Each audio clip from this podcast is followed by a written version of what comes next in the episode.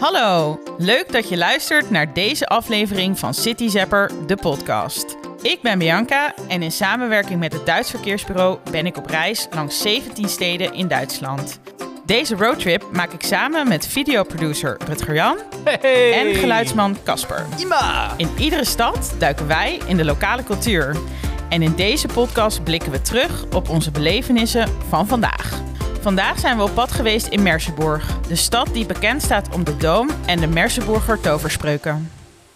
Rutger Jan, ik ben benieuwd hoe jij de Dom vandaag hebt beleefd door je camera. Nou, eh, de dom, het voelt een beetje, het voelt een beetje A, Duits aan, het hele, het hele gebeuren. Het is echt een, eh, je, je rijdt door best wel een grote stad, of ja, niet heel groot, maar je, je komt dan uiteindelijk eh, in een heel oud gedeelte, rij je een, een bruggetje onder. En dan eh, hebben we netjes onze auto geparkeerd in de vakken, zoals we dat gewoon doen. Beleefde jongens. En ja, dat is gewoon een heel groot complex. Het is eh, heel veel torentjes, heel veel verschillende torens. Eh, je ziet ook wel dat het er een aantal dingen vernietigd zijn, eh, of in ieder geval terug opgebouwd eh, zijn. Maar dat hebben ze op een hele nette manier gefixt. Het is een, we hebben natuurlijk een complete rondleiding gehad door, Onze local. door onze local. En, en ik denk dat we alle hoeken en, van, van, het, van de Dom en het, en het kasteel gezien hebben. En het weer was ook wel heel mooi.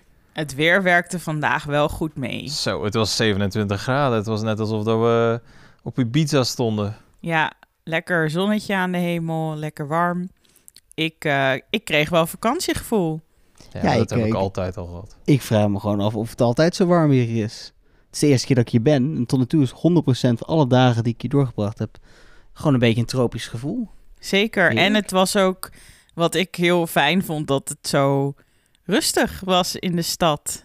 Gewoon heel relaxed. Ik kwam helemaal tot rust. Ja, ik heb niet het gevoel dat dit een, een, een, mega toeristisch gebeuren is. Dat als je hier op vakantie komt, dat je een van de duizenden toeristen bent. Het was inderdaad... Ja, er liepen wel wat mensen over straat. Dat waren volgens mij vooral bewoners hier. En eh, ja, het kan natuurlijk zijn dat het hier op andere momenten heel druk is. Maar we hebben nu inderdaad vandaag een dag gehad... waar het een beetje voelde alsof we, alsof we lekker in ons eentje waren. Ja, zeker. Heel, eh, heel relaxed. En eh Rutger Jan noemde net al eh, dat we een rondleiding hebben gehad door onze local. Ehm, misschien goed om haar even te introduceren. Beate Tippelt heet ze en ze werkt al meer dan 30 jaar bij de Dom. Dus ik denk dat als er iemand veel weet van de Merseburger Dom, dan is het Beate wel. En eh, in haar werk geeft ze eigenlijk rondleidingen. Ze doet nog heel veel andere dingen, maar ik denk dat het geven van rondleidingen wel iets is wat ze sowieso het leukste vindt om te doen. En waar zij gewoon heel erg geschikt voor is. Ja, vrouw Tiepelt liep een beetje rond alsof ze een prinses was. Ja, Het, het, ze, ze, ze paste, en dan zonder heel extravagant te zijn. Het was gewoon een, een, een vrij, een, een mooi gewaad. En, en, en ze, ze liep rond alsof ze er woonde. En zo kwam ze ook over, inderdaad, zoals het over verteld. En dat vond ik wel leuk. Dat is wel een extra dimensie in, in zo'n dag. Als je dan ja, zo'n mooie dom, een kasteelachtige omgeving kan... Ja, dat je wordt rondgeleid door, door de prinses. ja en dat, dat is ook het idee daarachter hoor, achter haar outfit. Dat ze eigenlijk de, de, de koningin is ehm, ja, van de koning die eh, hier woonde. Want eh, de Merseburger Dom is natuurlijk een, ja, kathedraal. Maar dat is onderdeel van het, eh, het kasteel van Merseburg. Dat zit aan elkaar vast. En vroeger woonde hier natuurlijk ook een koning. Ja, zij beeldt eigenlijk uit dat zij de vrouw is van die koning. En dat kwam denk ik wel heel goed over. Kwam ook goed over in het interview wat, wat we met haar deden. Wat is jou het meeste bijgebleven uit het interview, Casper?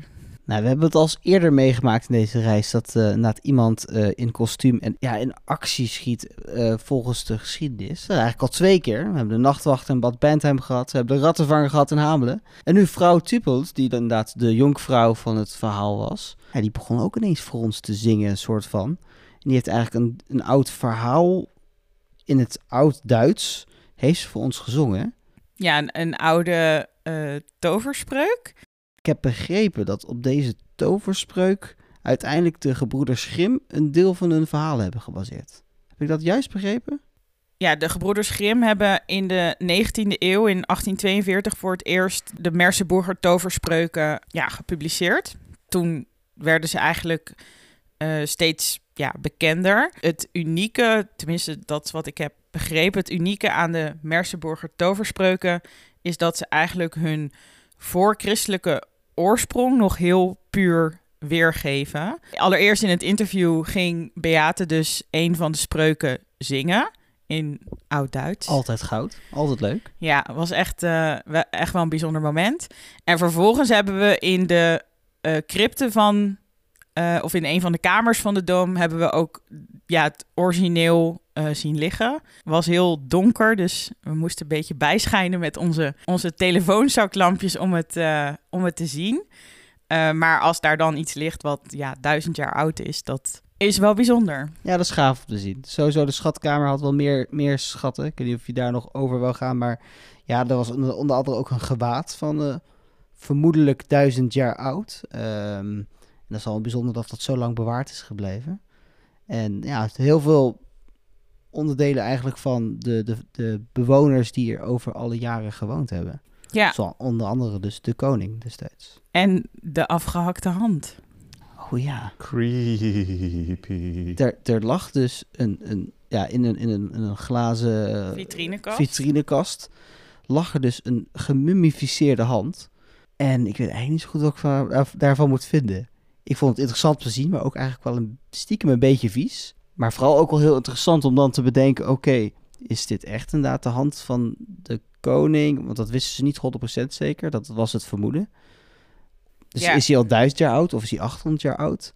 Dat wisten ze niet, want ze wilden er uiteraard geen stukje van afsnijden om te testen in een lab. Nee, Nee, ze, wilden het graag zou- puur, ja. ze wouden het graag puur houden. Dus het was wel een mysterieus gebeuren. Een mysterieuze vondst eh, in, in de doom.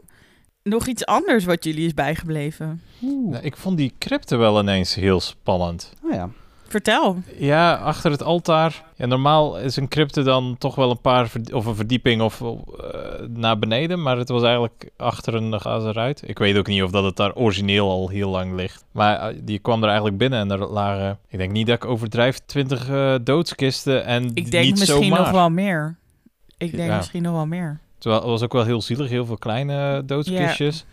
Maar de grote doodskisten waren dan ook wel echt heel groot. Heel veel tierenlantijnen het was eraan. niet Tombe Napoleon grootte, maar het, het kwam toch wel aardig in de buurt. Zeker. En dat vond ik wel, eh, vond ik wel heel gek om, om te zien. Ja, heel indrukwekkend hoe dat daar zo eh, stond. En als ik het goed heb begrepen, waren dat oude bisschoppen?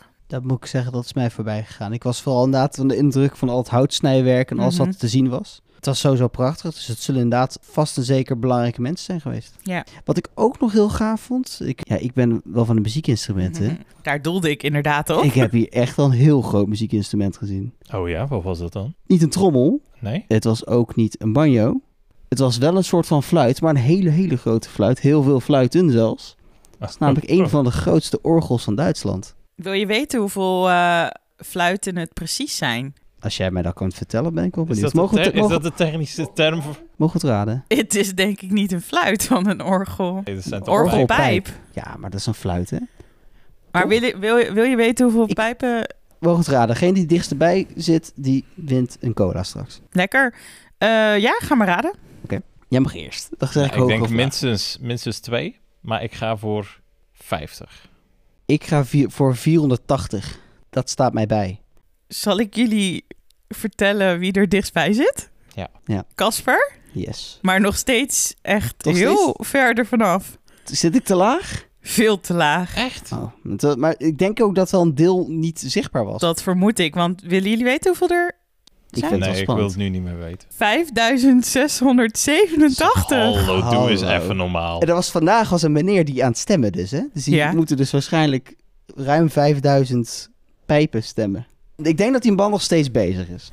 Ik denk dat hij dat heeft hij niet in een dag gedaan. Nee, dat, is, eh, dat, dat kost je wel een midweekje, ja. Een van de grootste in Duitsland, je noemde het net al. En er worden hier dus ook heel veel orgelconcerten gegeven. En dat was ook eigenlijk wel de tip van Beate, onze local. Als je hier bent, zorg dan dat je zo'n orgelconcert kan bijwonen. En ik kan me ook wel voorstellen dat dat heel indrukwekkend is in, eh, in zo'n kerk. Een zaalvullend geluid, zonder dat het nog extra versterkt wordt. Dus het zijn echt het instrument zelf die het geluid maakt. Ja, En de muren trillen gewoon mee als het, eh, als het een, een orgel van dit formaat is. Dus dat is gaaf om te horen. zeker. En bij elkaar, daarna zijn we natuurlijk hier gaan lunchen. Dat was heel rustig. Maar is er, is er verder nog iets wat jou...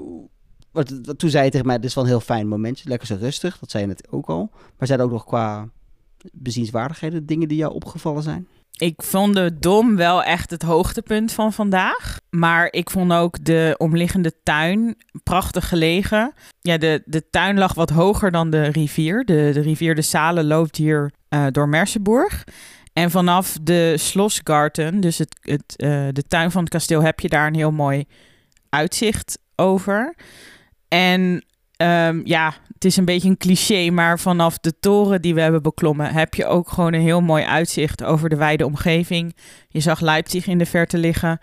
En ehm, ja, volgens mij is dit gewoon een super mooie bestemming om te combineren met ehm, ja, lekker wandelen eh, of wateractiviteiten ondernemen in de directe omgeving. Want er zijn heel veel meren hier eh, in de buurt.